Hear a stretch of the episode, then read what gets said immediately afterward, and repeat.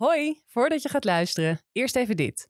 Als je Brani leuk vindt, dan ben je misschien ook geïnteresseerd in de andere podcast van het Parool. In Amsterdam Wereldstad praat ik, Lorianne van Gelder, iedere week met verslaggevers en experts over typisch Amsterdamse thema's. Hoe Amsterdam Noord ooit werd gebouwd als afvoerputje van de stad, waarom Amsterdammers moeten leren leven met ratten en hoe paradijsvogels uit de stad verdwijnen. Iedere dinsdagochtend hoor je een nieuwe aflevering op parool.nl. Dit programma wordt mede mogelijk gemaakt door Toto.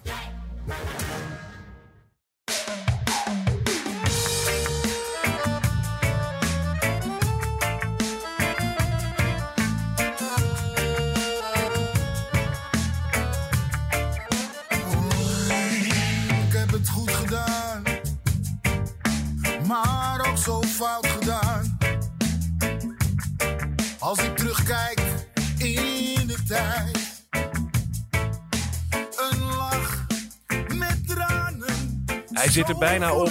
Oktober 2023. De slechtste Ajax-maand aller tijden. Dat kan niet worden en misschien is hij het al. De vraag is: bood de wedstrijd van gisteravond uit tegen Brighton en Hove Albion aanknopingspunten om te geloven dat november de maand van de ommekeer wordt? Dat het in elk geval een stuk beter gaat worden met Ajax. Daar gaan we het over hebben. Welkom bij Brani, de Ajax-podcast van het Parool. Eh, een extra vrijdag-editie van onze podcast. En ik ga napraten over Brighton Ajax met eh, hier aan tafel Daan Sutorius. Leuk dat je er weer bent. Goedemorgen. Daan, goedemorgen. En Jesse Ter Haar van Ajax Showtime. Jesse, Goedemorgen, Menno. goedemorgen. We zitten er weer om na te praten over een nederlaag van Ajax. Het wordt bijna een traditie. Eh, deze extra edities hè, op vrijdagen, eh, de, de ochtenden na Europese wedstrijden. Ze zijn wel nodig ook dit seizoen, want je merkt het, we moeten bijna elke keer tegenwoordig een inhaalslag maken. Bijna altijd gebeurt er zoveel bij Ajax dat er een aantal dingen besproken moeten worden eh, die in de voorliggende dagen zijn gebeurd. En dat is in dit geval niet alleen Brighton Ajax, maar ook de trainerswissel. Maurice Stijn, die plaats moest maken voor Hedwiges Maduro. En dan is er ook nog een uitwedstrijd tegen PSV die voor ons ligt. Dus we hebben een volle agenda, ook eh, in de extra edities. En we gaan meteen maar van start met die wedstrijd. Brighton Ajax 2-0.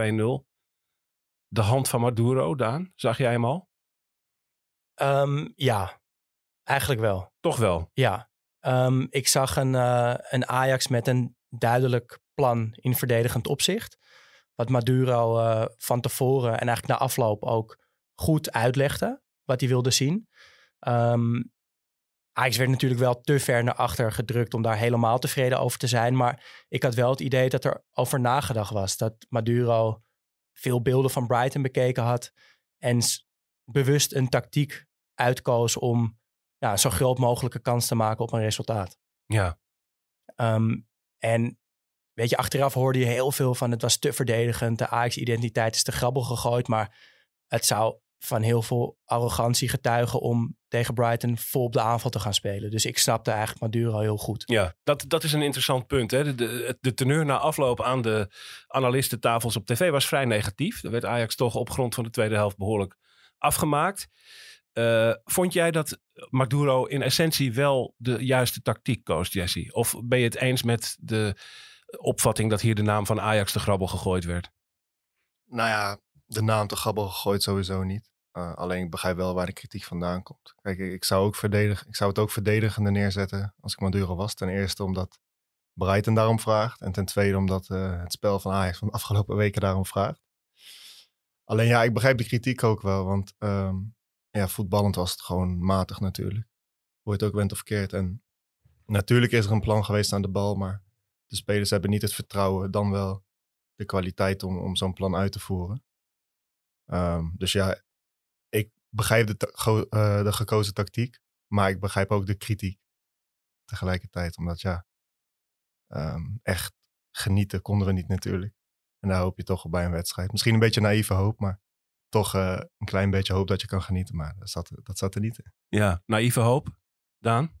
Um, nee, ik, ik, ik, moet heel eerlijk zeggen, ik had echt heel weinig hoop van tevoren. Uh, van het weekend ook uh, Bright, City tegen Brighton gekeken.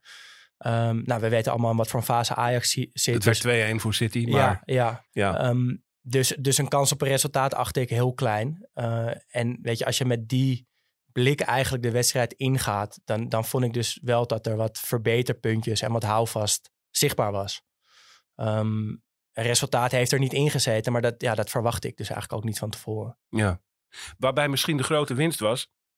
Jesse, ik ben benieuwd of jij dat eh, met me eens bent. Ik, ik zag wel een Ajax in de eerste helft dat de boel veel korter bij elkaar hield. Compacter, linies dichter op elkaar. Dat er daardoor meer samenhang ontstond. En dat er ook met name achterin de, die onzekere verdedigers van de laatste tijd, Soetalo, eh Sosa, Guy ook wel, eh, dat die eh, toch beter wisten in wat voor framework ze stonden en zich daar beter in thuis voelden. Ja, verdedigend is dat ook absoluut waar. Het is dit seizoen denk ik nog niet voorgekomen dat de linies zo dicht bij elkaar stonden. In, in positieve zin natuurlijk, want het kan ook te zijn. Maar het wel des te wonderlijker dat dat onder Stijn nooit zo was. Want Ja. dan zie je echt dat het dus gewoon een kwestie van instructie is. Ik als had- een, als een trainer zegt dichter bij elkaar, dan gebeurt dat. Ja, ja, maar het is natuurlijk ook wel makkelijker om dat op je eigen helft te doen. Kijk, als Ajax dit plan had willen uitvoeren, 20 meter naar voren. Weet je, dat zag je ook bij de 2-0 van Brighton. Toen wilde Ajax eventjes druk zetten. Nou, snelle, korte combinaties onder die druk uit en het staat 2-0. Ja. Eh, maar ja, dat heeft Maduro van tevoren aardig ingeschat. Dat, dat, ja, dat je dat niet moet doen tegen Brighton. Ehm, maar onder Stijn had, ja, had, had deze tactiek misschien ook wel iets vaker gehanteerd moeten worden. Ja. Dat is waar. Ja, Wie, wie viel jou voor rust in positieve zin op, Daan? Dan gaan we zo meteen... Ehm, Ja, ik vond Ramai eigenlijk een eh, echt goed keeper. Een paar goede reddingen en ook eh, aan de bal heel rustig. Durft te voetballen en ja, brengt daar niet zijn teamgenoten mee in de problemen wat Gorter wel af en toe heeft. Eh, ik vond Guy eigenlijk goed spelen ja, tegen vond ik ook. Mitoma met uitzondering van het laatste kwartier of zo. Toen, toen, eh, toen ging het een stuk minder. Ehm, ja, ik, ik denk toch wel dat, dat het wel redelijk was. Berghuis, als hij vrij kwam tussen de linies op 10, deed hij een aantal goede dingen aan de bal. Eh, maar maar die, ja, die kwam te weinig in het spel voor. Ja, dus vooral eh Ramai en, en dan toch ook wel Guy het eerste, eerste 70 minuten ongeveer. Ja, Want tegen Mitoma spelen is, ja, dat is een van de be- betere linksbuitens op dit moment. Ja. ja dat, is, dat is wel een sensatie. Eh, en dat kon hij gisteravond ook weer eh, makkelijk zijn. Ehm, wat ik me dan afvraag, als je kijkt naar die voorhoede die Ajax heeft staan... met Forbes en Bergwijn, dan denk je... dat is bij uitstek geschikt om te spelen zoals Ajax gisteren deed. Terugzakken, eh, verdedigender en dan speculeren op de snelheid van die mannen voorin. Maar als er nou twee waren die we helemaal niet gezien hebben... dan zijn het Forbes en Bergwijn. Wat ging daar mis, Jesse? ik, Waarom kwam daar niet meer uit dat, die counterpotentie? ik, eh, nou ja, wat ik zag is dat Ajax eh, met z'n allen terugtrok om Brighton tegen te houden. En dat ze vanuit daar, als ze de bal dan hadden, toch weer een soort van rustig probeerden te voetballen. Zonder dat ze echt op de counter speelden. Dus ik vind dat de snelheid van die gasten voorin niet eens echt aan bod is gekomen. Nee. En Ja. ja, dat had voor, voor mijn gevoel had dat met name te maken met voetballend onvermogen van achteruit. Als Sosa of eh Guy de bal achterin aan de voet hadden met de speler van Brighton voor zich en ze moesten het spel gaan maken, dan, eh, dan hield ik mijn hart vast. En ehm, ja, ik begrijp daarom de positiviteit ook wel over dat het compact was en zo hoor. Alleen voetballend was het zo weinig voldoeninggevend. En elke keer als die backs de bal hadden, dacht ik van ja, ze gaan toch weer achteruit, want ze gaan die bal weer inleveren. Je wist het gewoon elke keer. En daarom, het was een soort gek spel, want Ajax verdedigde wel. Het leek alsof ze op de counter gingen spelen. Alleen als ze de bal hadden, zag ik ze vervolgens niet echt op de counter spelen. Ja. Waardoor je dan ook niet gebruik gaat maken van die snelheid. Daan, ik. jouw reactie op die analyse. Nou, daar ben ik het wel mee eens. Ik denk dat de zwakte van Ajax was dat op het moment dat, dat Ajax de bal veroverde, dat die eerste paas vaak breed of terug weer was. Waardoor je de kans op de counter liet liggen. Eh, en je zag ook veel frustratie bij, bij Taylor, bij Berghuis op het moment dat Ajax inderdaad aan die bal veroverde. En het, het werd weer een wilde peer naar voren. Dat zij ook in het veld door hadden van hey, dat zijn de momenten dat we misschien in de counter kunnen toeslaan. En daar ben ik het wel met Jesse eens. Dat, kijk, aan de bal was het wel echt onvoldoende. Want er lagen hier en daar wel kansen om die counters beter uit te spelen. En dat gebeurde niet. Ehm Forbes had het heel lastig tegen Milner. Brobby tegen die Jean-Paul van Hekken eigenlijk ook heel lastig. Ja, ja, ja, ja. Eh, Zeker. Ster- sterke gozer ook. Ja. Van Hekken die vond het Ja. echt met, met vlag en wimpel, ja. Ja, en Bergwijn vond Maar die Milner, die moet ja. je toch, daar moet je toch meer mee kunnen doen. Als Zeker. Forbes tegenover Milner staat, dat is een oude gast, die is niet zo snel. Nee, en die werd tegen City door die Doku, die, die Belgische buitenspeler, helemaal zoek gespeeld. Eh, Ja. en ik had verwacht dat daar wel wat kansen zouden liggen, maar dat viel tegen. En ik vond Bergwijn, toch, ja, dat zou een van de sterkhouders moeten zijn, vond ik ook weer heel onzichtbaar. Je zou toch willen dat hij op een manier dat spel wat meer naar zich toe trekt. Maar dat, dat zit er op dit moment echt even niet in. Nee, dat zit er eh, al heel lang niet in Nee. en eigenlijk structureel niet in. Maar ik verwacht op dit moment eigenlijk ook niks van de aanvallers. Als je vanuit achteruit zo slecht naar voren gaat, ja, wat moeten die aanvallers dan? Ja. Weet je, wat moeten die aanvallers dan?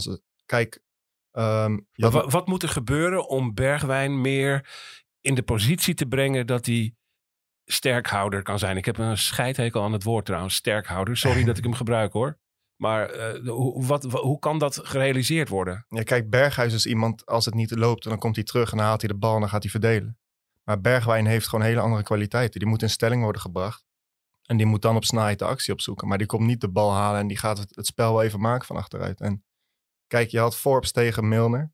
En je had Bergwijn tegen Veldman.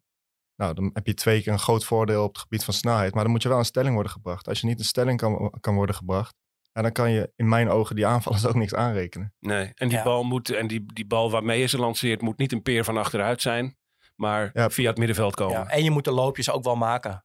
Van, eh, Forbes doet dat automatisch wat vaker dan Bergwijn. Maar ik zou ook Bergwijn dat gewoon vaker willen zien doen. Ook al krijg je hem niet. Eh, je bek gaat toch twijfelen. De volgende keer gaat hij weer diep. Komt hij, eh, weet je, kom, kom ik in de bal. Ehm, ja, ik, ik vind dat hij er zelf te weinig aan doet. Misschien is dat zijn uitstraling. Maar ik heb het idee, ook omdat we het af en toe wel zien, dat er zoveel meer in zit. Maar het komt er, wat, ja, wat jij net zegt, wel echt structureel niet uit Ja. de laatste tijd. En dat is, is dat bereidheid tot de, de, de vuile loopjes, Ehm, zoals dat dan heet? Nou, ik denk niet dat het bereidheid is. Ik denk, ik denk dat als je met Bergwijn gaat zitten en je met beelden uitlegt wat er te halen valt, als je die loopjes vaker maakt, dat hij echt wel bereid is om dat te doen. Ehm, maar dat hij misschien bewust gemaakt moet worden van de kansen die er liggen als hij dat wat vaker doet. Dat zullen Ja. ze toch ook wel doen? Ze zullen Ja. toch ook wel met hem gaan zitten en beelden laten zien? Ik hoop het. Dan kom je Ja. op de vraag eh, hoe vaak dat onder Stijn eh, gebeurd is. Ja, ik vond, Mm, ja, ik vond de interviews eh, vrij dodelijk eigenlijk. Van Tahirovic voor de wedstrijd en eigenlijk ook wel van Maduro. Van Berghuis na afloop over het vertrek van Stijn. Dus ik heb wel het idee dat er collectieve opluchting is dat, eh, dat hij daar niet meer is. Eh, en misschien komt dat ook wel omdat, omdat, ja, omdat er tactisch eh, te weinig gedaan werd Ja. onder Stijn. de trainerswissel, daar komen we zo op. Ja. Daar maken we een apart hoofdstuk van in deze podcast. We blijven nu even bij die wedstrijd zitten. En dan in het bijzonder toch wel het dodelijke moment van de wedstrijd. Namelijk het moment van die 1-0. Ajax kan zich dan bogen op een eerste helft... waarin het in ieder geval verdedigend redelijk stond. Eh, had misschien de illusie, daar kunnen we na rust nog even mee doorgaan... en dan kijken wat er op de counter in zit. En op dat moment valt hij toch, vlak voor rust... een eh, bal in de rebound. Ehm, wat gaat daar mis? Ja, volgens mij komt Mitoma vrij tussen Guy en Soetalo. Vanaf links, ja. Ja, omdat Tahirovic doorstapt. En ik denk dat de communicatie tussen Guy en Soetalo daar niet goed is. Volgens mij zou ik zou zeggen dat Soetalo hem moet oppakken. Nou, dat laat hij na. En in de rebound is, eh is die Pedro ja, iets, iets scherper dan Hato. Ik vind niet dat je dat Hato kwalijk kan nemen. Nee, dat was niet Volgens mij zit, er, zit eh, slordigheid net daarvoor. Bij het overgeven van eh Mitoma tussen En Ramai en, ziet hij, valt daar nog... Mm, Ik had het idee dat hij daar niks aan kon doen. ik ook niet, eerlijk gezegd. Nee. Nee, ik zou zeggen de communicatie tussen Guy en dan Tahirovic en Soetalo. Ja. Dat het daar misgaat. Dood en doodzonde, zo'n zo'n bal. eh, eh, Paul voor rust.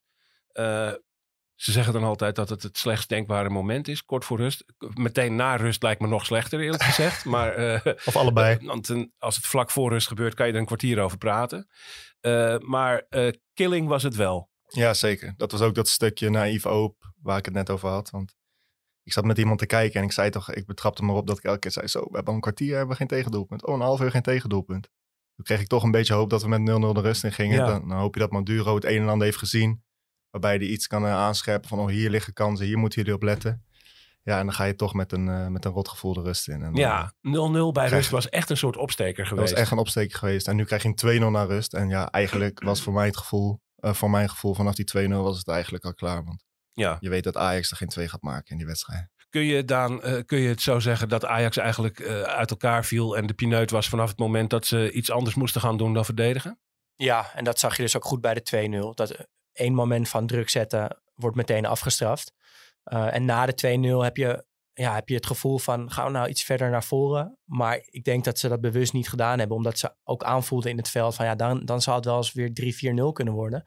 En dan zit je toch beter met een 2-0 en een ja, iets van verdedigende stabiliteit. En, en die verdedigende stabiliteit was er wel. Want ik zag dat Brighton 12 keer op goal had geschoten. En weet je, Marseille en AEK de- deden het dubbele tegen Ajax. En dat Ja, zijn ja. een stuk minder goede tegenstanders die twee keer vaker op goal schieten. Dus wat dat betreft is er winst geboekt. Dus ja, ik, ik, ja, ik snapte het wel. Kun jij dan ook een beetje blij zijn met die winst die Daan beschrijft, Jesse? Ja, het ligt er een beetje aan op wat voor manier ik daarnaar kijk. Kijk, als ik echt, als ik echt naar, naar... Kijk, tuurlijk is het fijn dat het compact is. Alleen, ik ga toch ook naar, naar zo'n wedstrijd zitten kijken om een beetje hier en daar te genieten. En ik geniet er niet van als Ajax zich helemaal ingaaft en vervolgens niks doet. Ja. Toch, Het- maar toch, ik ga Het, toch is- het, is, vervelen. het is logisch hoor dat ze Wat had je verwacht? hè. Wat had Maduro meer kunnen doen? Nee, ik had niet per se meer verwacht. En ik vind het ook logisch dat ze zich ingaven. Alleen ik vind het gewoon heel pijnlijk om te zien hoe Ajax dan speelt als je dan wel achterin aan de bal bent. Ja. Als Guy en Sosa dan wel de bal hebben. Wat er dan gebeurt, dat vind ik gewoon heel pijnlijk om te zien. Want dat, dat ja, wat moeten we daarover zeggen? Die kwaliteit aan de bal was gewoon echt matig. Echt matig.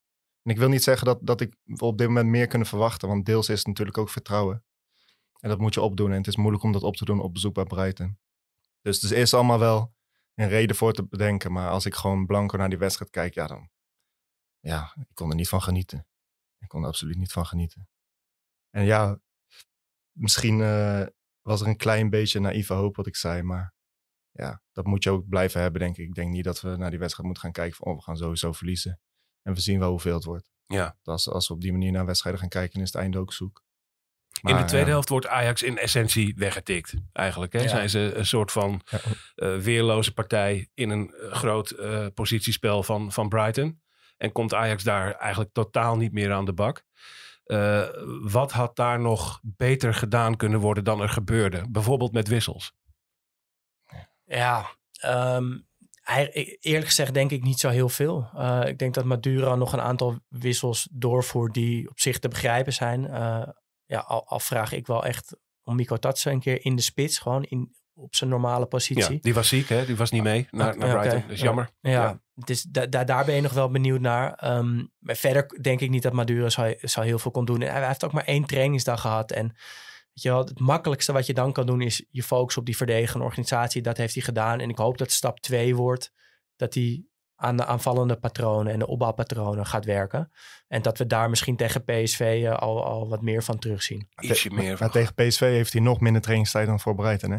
Ja, voor, voor had hij dinsdag, woensdag. Ja, Voor PSV heeft hij in principe alleen zaterdag. Ja, Dus maar ik je denk hoopt niet dan dat... dat, het cumulatief Ja, werkt. Dat het precies. gewoon, eh, eh, ja, toch eh, wat, wat langer bezig. En nou ja, Ik denk dat hij daar niet echt aan toe gaat komen. Ik- aan, ik- aan die aanvallende dingen erin slijpen. ik zei wel, ik denk het ook niet. Hij zei wel na afloop dat hij eh, wel van plan is om het tegen PSV anders te doen. Ik distilleerde daar dan uit dat hij niet zo ver terug wil voetballen.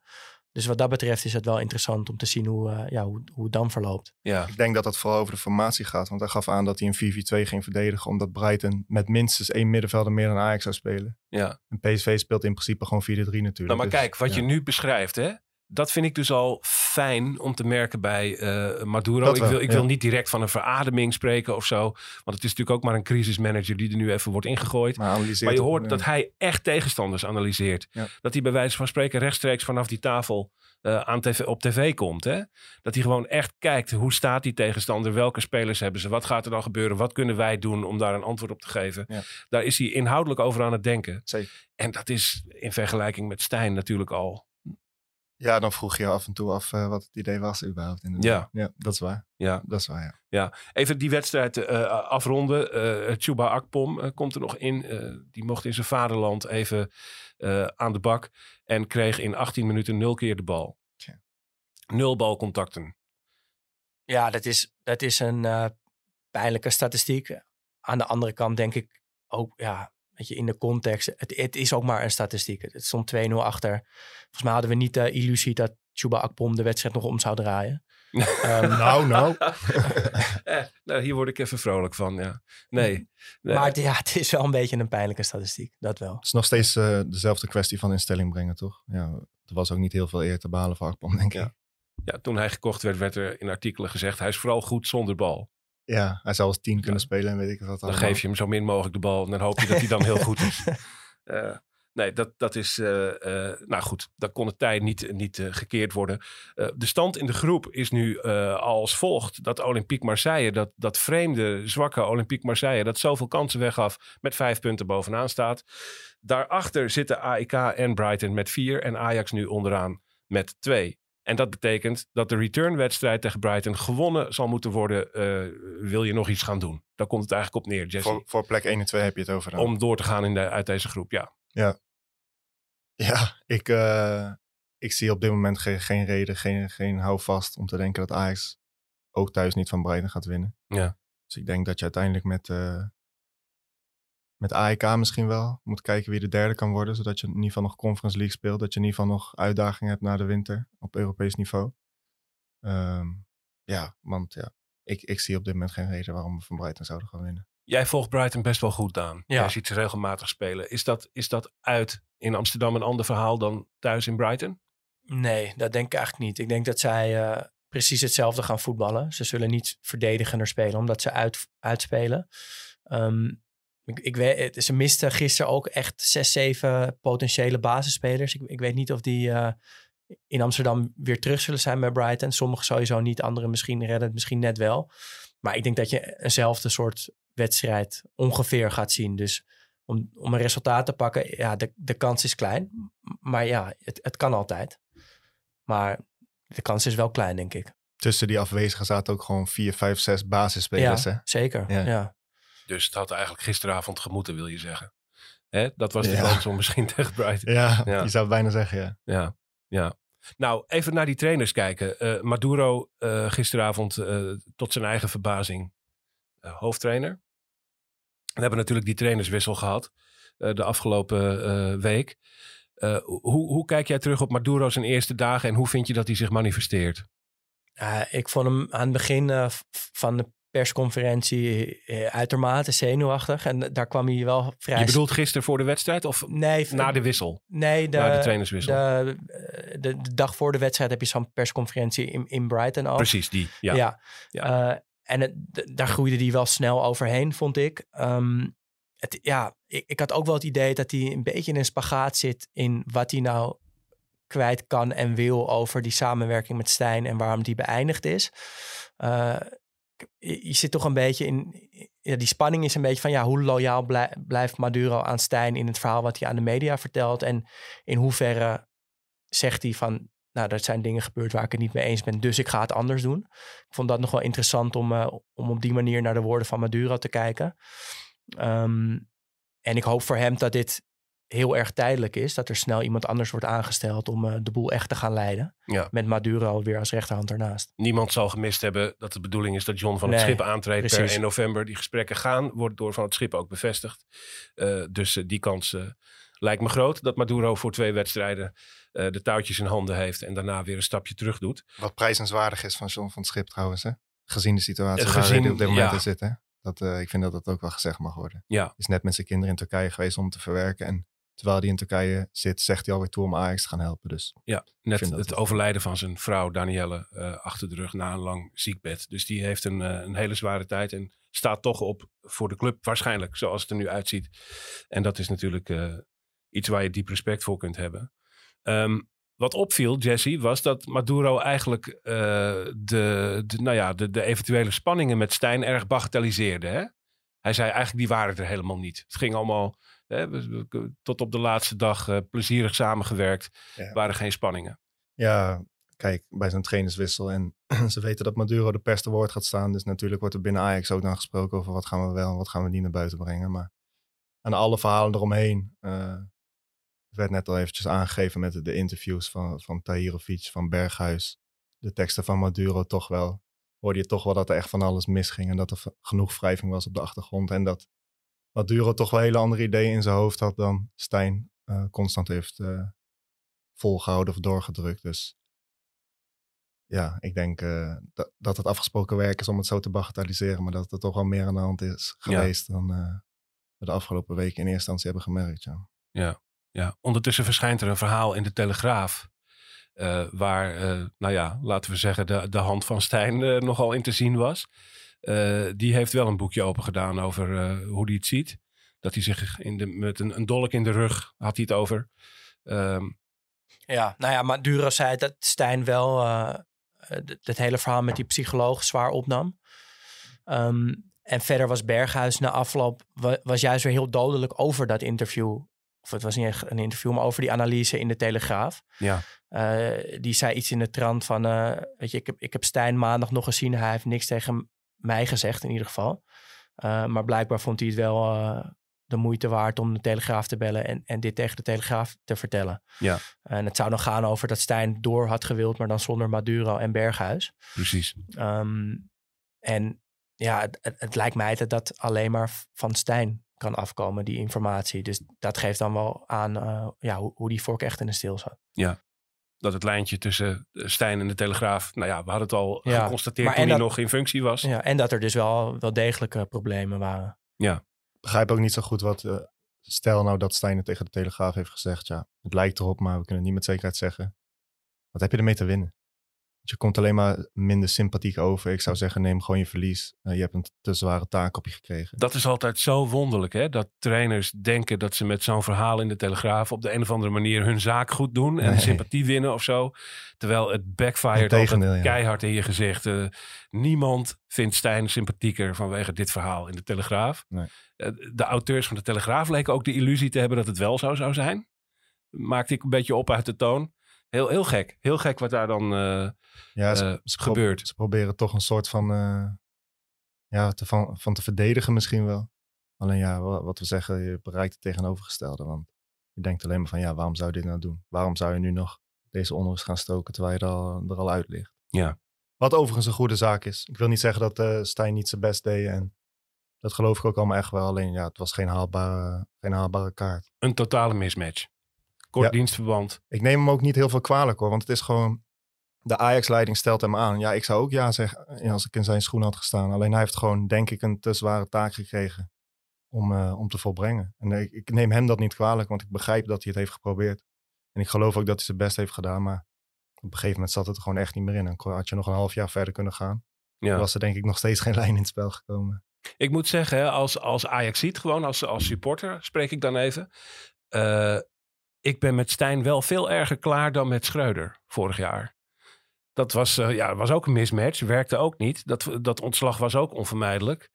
Eh, maar die heeft nooit via de Telegraaf nagetrapt naar de club. Die verdween eigenlijk van de aardbodem op het moment dat hij ontslagen was. En eh, dat verhaal in de Telegraaf van Stijn gisteren, of een paar Ja. dagen geleden, dat is bij mij dan weer vrij slecht gevallen, merk ik. Dat het gewoon denkt, ah, rot maar op ook Ja. eigenlijk. Nou, maar hij is lange tijd heel veel bezig geweest met zijn eigen PR Ja, ten opzichte van Mislintat en ook ten opzichte van de club Ajax. En dat is en de spelersgroep. en de spelersgroep. Ja. En dat is als, als eh, supporter, als volger van Ajax, is dat vervelend om te merken dat iemand zichzelf eigenlijk boven alle, alle partijen stelt en vooral aan zijn eigen belang denkt en niet aan het belang van zijn spelersgroep. Of, of in ieder geval minder aan het belang denkt Ja. van zijn spelersgroep, de club, ja. de TD, de, de toekomst. En het de begon al zo vroeg. Hè? Ja. Dat, dat, dat je, je kunt van dat natuurlijk eh, van alles zeggen. Die governance zaak en zo, dat was al voldoende reden om die man te ontslaan. En dat klopte allemaal niet. En eh, volkomen terecht eruit gezet. Maar die, heeft, die stond in Sittard een, een persconferentie te geven. waarbij hij het voor Stijn opnam en om tijd vroeg. En zei van we, we zitten samen in een project. En ondertussen zat Stijn iets verderop eigenlijk eh, al eh, eh, ja, zijn spelers af te kammen. En dat is daarna niet meer gestopt. Die heeft eigenlijk voortdurend zijn eigen strijd gestreden, toch wel. Waarschijnlijk is hij zichzelf gewoon een beetje verloren in, eh, in de negativiteit. En in het feit dat het gewoon allemaal tegen zat of niet werkte, hoe je het ook wil noemen. Ja. En, ja. Op een gegeven moment zit je dan misschien wel in je emotie en dan eh, raak je jezelf een beetje kwijt. En beluister je jezelf de dag daarna en denk je van, oeps, heb ik, Nee, dat, zo- heb ik dat echt gezegd? Ik, eh, weet je, ik kan me niet voorstellen dat hij daar een dag later op terugkijkt en dat hij denkt, heb ik nou handig gedaan. Daar heb ik nou goed mijn eigen hachje gered. Hij zal zelf ook wel weten dat je op die manier de spelers een beetje kwijt kan raken. En Tahirovic deed trouwens alsof, of het is echt zo, zeg het maar, alsof hij die teksten niet had gehoord. Eh Vertelde hij een interview met Misschien Vandaag in Inside, denk ik. Bosnisch, eh, Bosnisch vertaald. Nee. Of, eh, ja. Hij sprak goed Engels, Tahirovic trouwens, hè? moet ik zeggen. Ja. Moeilijke woorden ook. Hij is, hij is wel goed onderlegd in het Engels, maar ja, kunnen jullie je voorstellen dat zo'n Tahirovic dat, dat niet meekrijgt, die Nee. woorden na Fortuna? Nee, Nee. toch? Nee, die weten precies wat er allemaal eh, gezegd en geroepen is. Ja. ja. Ja, Dus dat dacht ik ook toen ik dat hoorde. ja. hij was de kleedkamer vrij snel kwijt. In elk geval een deel daarvan, eh, Stijn. En, en later eh, ook eh, misschien wel zijn staf met die, die psychologen affaire van eh, Almere City. Ehm, ja, toen is het toch wel behoorlijk van de rails gegaan. Ja, daar lijkt het wel op. Ja. En ik, ben, ik, ik denk trouwens wel dat, dat het vrij bewust is, dat die koers die eh, Stijn voer eigenlijk. Eh, dat, dat, niet, eh, dat hij niet per se spijt heeft de dag daarna van zijn woorden, maar dat hij wel overwogen een strategie heeft gekozen om zijn eigen hachie te redden. En dat, dat neem ik hem wel kwalijk, ja. Wat ik trouwens nog wel opvallend vond, ehm, als ik het goed las in dat stuk van de Telegraaf, ehm, is dat eh, de exit van Stijn heeft uiteindelijk vooral te maken gehad met de dingetjes eromheen en dat Stijn er zelf ook geen vertrouwen meer in had. Maar de clublijn van Ajax had volgens mij nog steeds vertrouwen in Stijn om hem te laten zitten. En eh, dan denk ik van ja, hoe lang, had je, hoe lang had je hem nog willen laten zitten dan? Ja, nou ja, je zegt eigenlijk twee verschillende dingen. Vertrouwen in hem hebben en het, en besluiten om hem te laten zitten. Dat zijn twee verschillende dingen. Ik denk dat ze Ja. van plan waren om hem nog even te laten zitten.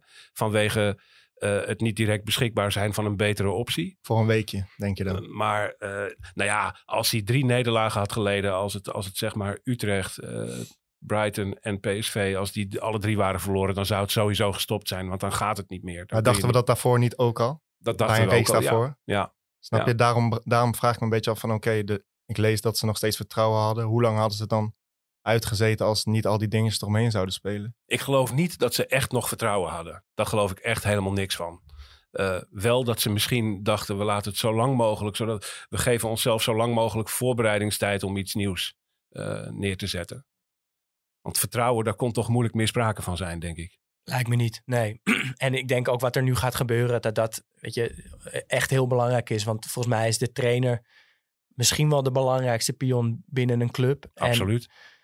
En je, kijkt, je ziet ook bij Feyenoord hoe, hoe dat dus wel ook weer heel snel goed kan gaan. Met goede aanstelling van Slot, goede aanstelling van de Kloeze. En dan kan het binnen twee, drie jaar kan je opeens weer totaal in de lift zitten.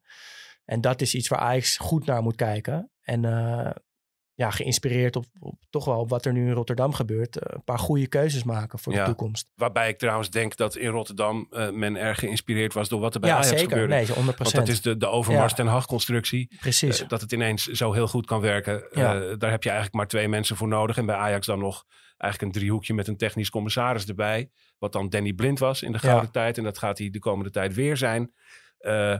Dus naar zo'n constructietje zoek je. En dan kom je eigenlijk automatisch bij de vraag, Jesse. uh, John van het Schip. Ja.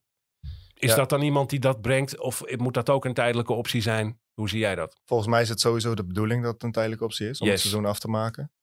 Alleen ik moet heel eerlijk zeggen dat ik eh John van het Schip moeilijk eh in te schatten vind als trainer. Ehm, want veel wat hij heeft gedaan is natuurlijk een beetje buiten ons gezichtsveld geweest. Eh, Griekenland is waarschijnlijk eh, het meest bekende, de meest bekende job die hij heeft gehad. En ik moet eerlijk zeggen dat ik eh, met televisie niet vaak schakel naar, naar Griekenland.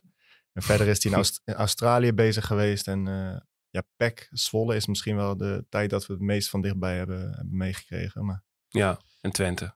ja, Ja. ja. het enige wat ik kan zeggen van ja, het is in principe goed dat een, een man van de club eh, het seizoen komt afmaken. Dat je niet iemand van buitenaf aanstelt in deze periode. Maar eh, echt inhoudelijk, technisch en tactisch vind ik het moeilijk om in te schatten wat John van het Schip Ajax kan brengen. Dat vind ik echt heel moeilijk in te schatten. Ik denk dat het voor, eh, voor nu een prima oplossing is. Maar ik, eh, ik, ik- ik denk dat we een betere trainer nodig hebben na dit seizoen. Ja. Eh, een, een, ja, echt een vakidioot, om het zo maar even te zeggen. Iemand die de hele dag met voetbal bezig is en vernieuwende, inventieve ideeën over het spel heeft. Ehm, en ik denk niet dat John van het Schip dat is. Nee, dat, dat gevoel heb ik ook. Omdat ik dan ook denk, eigenlijk gewoon heel simpel de redenering. Als, dat, als hij dat was geweest, had hij hoger op de ladder gestaan Ja, van het trainerschilde. Eh, dat is niet het geval. Het is een, een- als trainer is het natuurlijk niet iemand die uit eh, het hoogste echelon komt. Eh, en een Ajax-denker, iemand die de club kent. Het is ook een sympathieke en een slimme gast. Iemand die, eh, ja, ik dicht hem wel intelligentie toe. En dat het, al- alleen het voordeel daarvan is al dat hij, denk ik, geneigd is om met iemand als Maduro heel goed samen te werken. Ik vermoed dat hij daar naar zal luisteren, want ik schat Maduro in als een wat modernere denker in voetbal dan Van het Schip. Maar ik denk ook dat Van het Schip dat onderkent en daar iets mee zal doen. En dat hij in die zin een heel geschikte man is om deze klus nu op zich te nemen. Maar wel Ja. voor eh, dit seizoen en niet daarna. Daarna weer streven naar een, een te kloeze slot Overmars ten Hag duootje. Ja, het is moeilijk. Moeilijk om John van het Schip. Ik weet ook niet precies voor wat voor voetbal die staat. Dan ben je er heel snel geneigd om ervan uit te gaan. Hij staat voor het Ajax voetbal. Maar misschien denkt hij er wel heel anders over. Ik, weet, het, ik vind het moeilijk om in te schatten. Ik, eh, ik heb me nooit in, in, in hem of zijn ploegen verdiept. Nee. Nee. Nee, het is wel een held, man. Het was mijn eerste held. ik had vroeger een t-shirtje als jongetje van acht met John van het Schip eh, eh, erop. Nou, eh, ehm, Maduro mag dus waarschijnlijk nog één keer aan de bak. En dat wordt dan uit tegen PSV. Zondag. Wat heeft deze wedstrijd tegen Brighton hem eh, geboden? Waar moet hij aan vasthouden? Wat moet hij anders gaan doen? Je stipt het al een klein beetje aan, Daan. Wat, wat, wat gaat Maduro doen voor zondag? Ja, ik denk dat hij moet vasthouden aan de verdedigende stabiliteit. Het hoeft niet in precies dezelfde formatie, maar wel eh, ten eerste de focus daarop. Eh, en, en wat beter moet is het, is het voetbal aan de bal. Eh, de momenten herkennen waarin je wel kan opbouwen, want die waren er tegen Brighton ook echt wel. Ehm, en misschien iets meer, eh, ja, bij Vlagen iets meer naar voren voetballen. Ehm, ik, ik schat PSV hoog in, maar, maar Brighton eigenlijk hoger. En bijvoorbeeld Feyenoord ook ja, wel dat echt... wilde een- ik vragen. Is dat zo? Is PSV nou ja, ik, minder dan Brighton? ik vind dat PSV in de competitie, het, ja, die doen het gewoon alles gewonnen. Dus het, niks op af te dingen. Wel een vrij makkelijk programma gehad. Maar in de Champions League tegen Arsenal, Sevilla en Lens was het ja, niet overtuigend, vond ik. Eh, waar Feyenoord wel heel erg overtuigt in Europa. Dus ik denk dat, dat je tegen PSV echt meer kans maakt dan, eh, dan tegen Feyenoord. En eigenlijk ook wel dan tegen Brighton.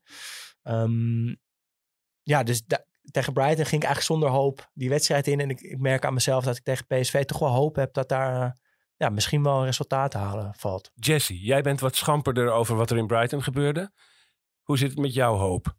Ja, ik denk dat, dat Brighton als, team verder is dan PSV. Maar ik denk dat PSV op bepaalde posities meer individuele kwaliteit, sorry, individuele kwaliteiten heeft dan, eh, dan Brighton.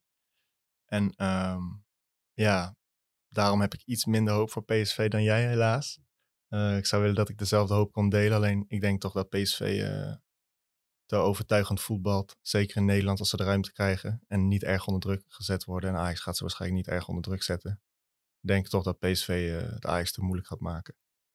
En verder sluit ik me bij aan dat je, je moet compact blijven spelen, maar je moet wel beter gaan voetballen. Vooral meer durf tonen. En ik begrijp Ja. dat dat heel makkelijk gezegd is, want het heeft ook gewoon heel erg met vertrouwen te maken nu. Want je ziet dat gasten ook ballen niet vooruit durven spelen. Wordt Tahirovic een keer bereikt, dan, dan tikt Tahirovic hem gelijk terug. Omdat hij ook vertrouwen gewoon niet heeft om open te draaien en vooruit te voetballen. Heb jij niet het gevoel, dat heb ik een beetje namelijk, dat inderdaad misschien PSV wel meer individuele klassen nog heeft lopen, met name voorin, Zeker. eh, dan, dan Brighton. Ja, zeker. Eh, maar dat de kans wel groter is dat Ajax een goal maakt tegen PSV. ja, het ligt, het ligt aan hoe je voetbalt. Als je En dan hangt het maar net vanaf wanneer valt hij. Als het een 0-1 is, dan eh, wordt het eh, interessant. Maar ik, ik, sorry, maar Ansu Fati en João Pedro, of Mitoma en João Pedro, zijn toch beter dan Luc de Jong en Lozano? Wel dan Luc, ja. Ja, Ja, het dus- ligt eraan op welke manier. Als er allemaal hoge ballen in de 16 komen, ja, dan is Ajax hartstikke kwetsbaar tegen dat is Luc de. Jong. Luc de Jong is de een van de beste koppers van, eh, van Europa, dat is waar. En het is afwachten of Noah Lang erbij is tegen Ajax. Die was niet fit van de week in de Champions League. Lijkt er niet op, Ehm, volgens mij. maar- Dat zou wel een meevallen zijn natuurlijk als Noah Lang er niet bij is. Want dat is wel hun beste speler, zeker aanvallend gezien. Dus eh, ja, ik, vond, ik, ik hoop dat Ajax wat iets meer durf, met iets meer brani kan gaan spelen. Ehm, ook omdat Veldman, die zei ook na de wedstrijd in een interview, zei hij dat hij na afloop had hij, had hij Kenneth Taylor heeft gesproken. Had hij ook tegen Taylor gezegd van ja, als jullie in de eerste helft iets meer durf hadden gehad vanaf het middenveld, dan hadden jullie ons echt pijn kunnen doen. En dat is wel Brighton waar je het over hebt. Ehm, en in principe zijn die als team, dus ook waarschijnlijk als organisatie, wat beter dan PSV, wat meer stabiel. Dus ja, ik denk dat de durf vanuit, eh vanuit balbezitten de sleutel gaat zijn of je echt iets gaat kunnen doen of niet. Want verdedigen is leuk, maar om een wedstrijd te winnen zul je toch ook moeten aanvallen. Anders ga je nooit een wedstrijd winnen. Ja. Dus ja, ik denk Durf. dat... eh, ja. Brani. Ja. Dat is waar we het over hebben. Eh, Brani tonen uit zondag bij PSV. Dat is eh, wat Ajax moet gaan doen. En nou ja, wat het dan oplevert. Ik heb zelf niet zoveel fiducie in. Uh, maar dat is ook misschien wel zo. Hè? Oktober afsluiten als rampmaand. En dan in november moet het allemaal gaan gebeuren. En daar uh, zijn de lichtjes wel aan de horizon te zien. Want dan gaan er wedstrijden komen in november. Thuis tegen Volendam. thuis tegen Brighton. daarna thuis tegen Heerenveen. En vervolgens de eerste uitwedstrijd naar Almere City. Dan moeten er punten gaan komen. En november moet echt uh, onder nieuwe technische leiding een andere maand gaan worden voor Ajax dan oktober was. Daar zetten we op in. En wij van Brani zullen dat gaan volgen met deze podcast. Uh, ik grijp die gelegenheid aan om jullie luisteraars eens een keertje te bedanken voor jullie trouw. Want hoe slecht het ook met Ajax gaat en hoeveel nederlagen we ook moeten bespreken, jullie blijven luisteren. Uh, jullie voelen je thuis bij Brani en wij vinden het fijn dat dat zo is. Dus bedankt voor het luisteren. Meer bedankjes. Daan Sutorius, dankjewel dat je er was. Heel graag gedaan. Dank je voor het komen naar de Johan Cruijffzaal. Uh, Jessie Ter Haar, dankjewel. Graag gedaan, jij bedankt. Allebei tot heel erg gauw. Ik wijs erop dat de productie van deze podcast in handen is van Josien Wolthuizen. De techniek wordt verzorgd door Vienna School. Mijn naam is Menno Pot, uw presentator. Maandag zijn wij er weer met Brani en dan gaan we praten over PSV Ajax. Tot dan.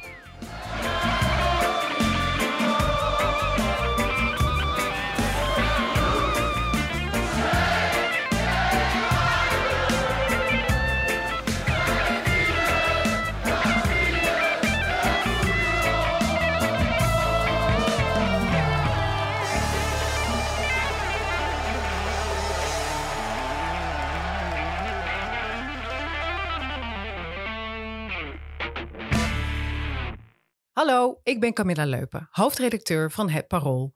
Heb je genoten van deze podcast? Dan vind je onze artikelen misschien ook interessant. Een abonnement heb je al voor een paar euro per week. Je kan het ook eerst een paar weken proberen. Ga naar parool.nl/slash podcastactie voor een actuele aanbieding. Dag!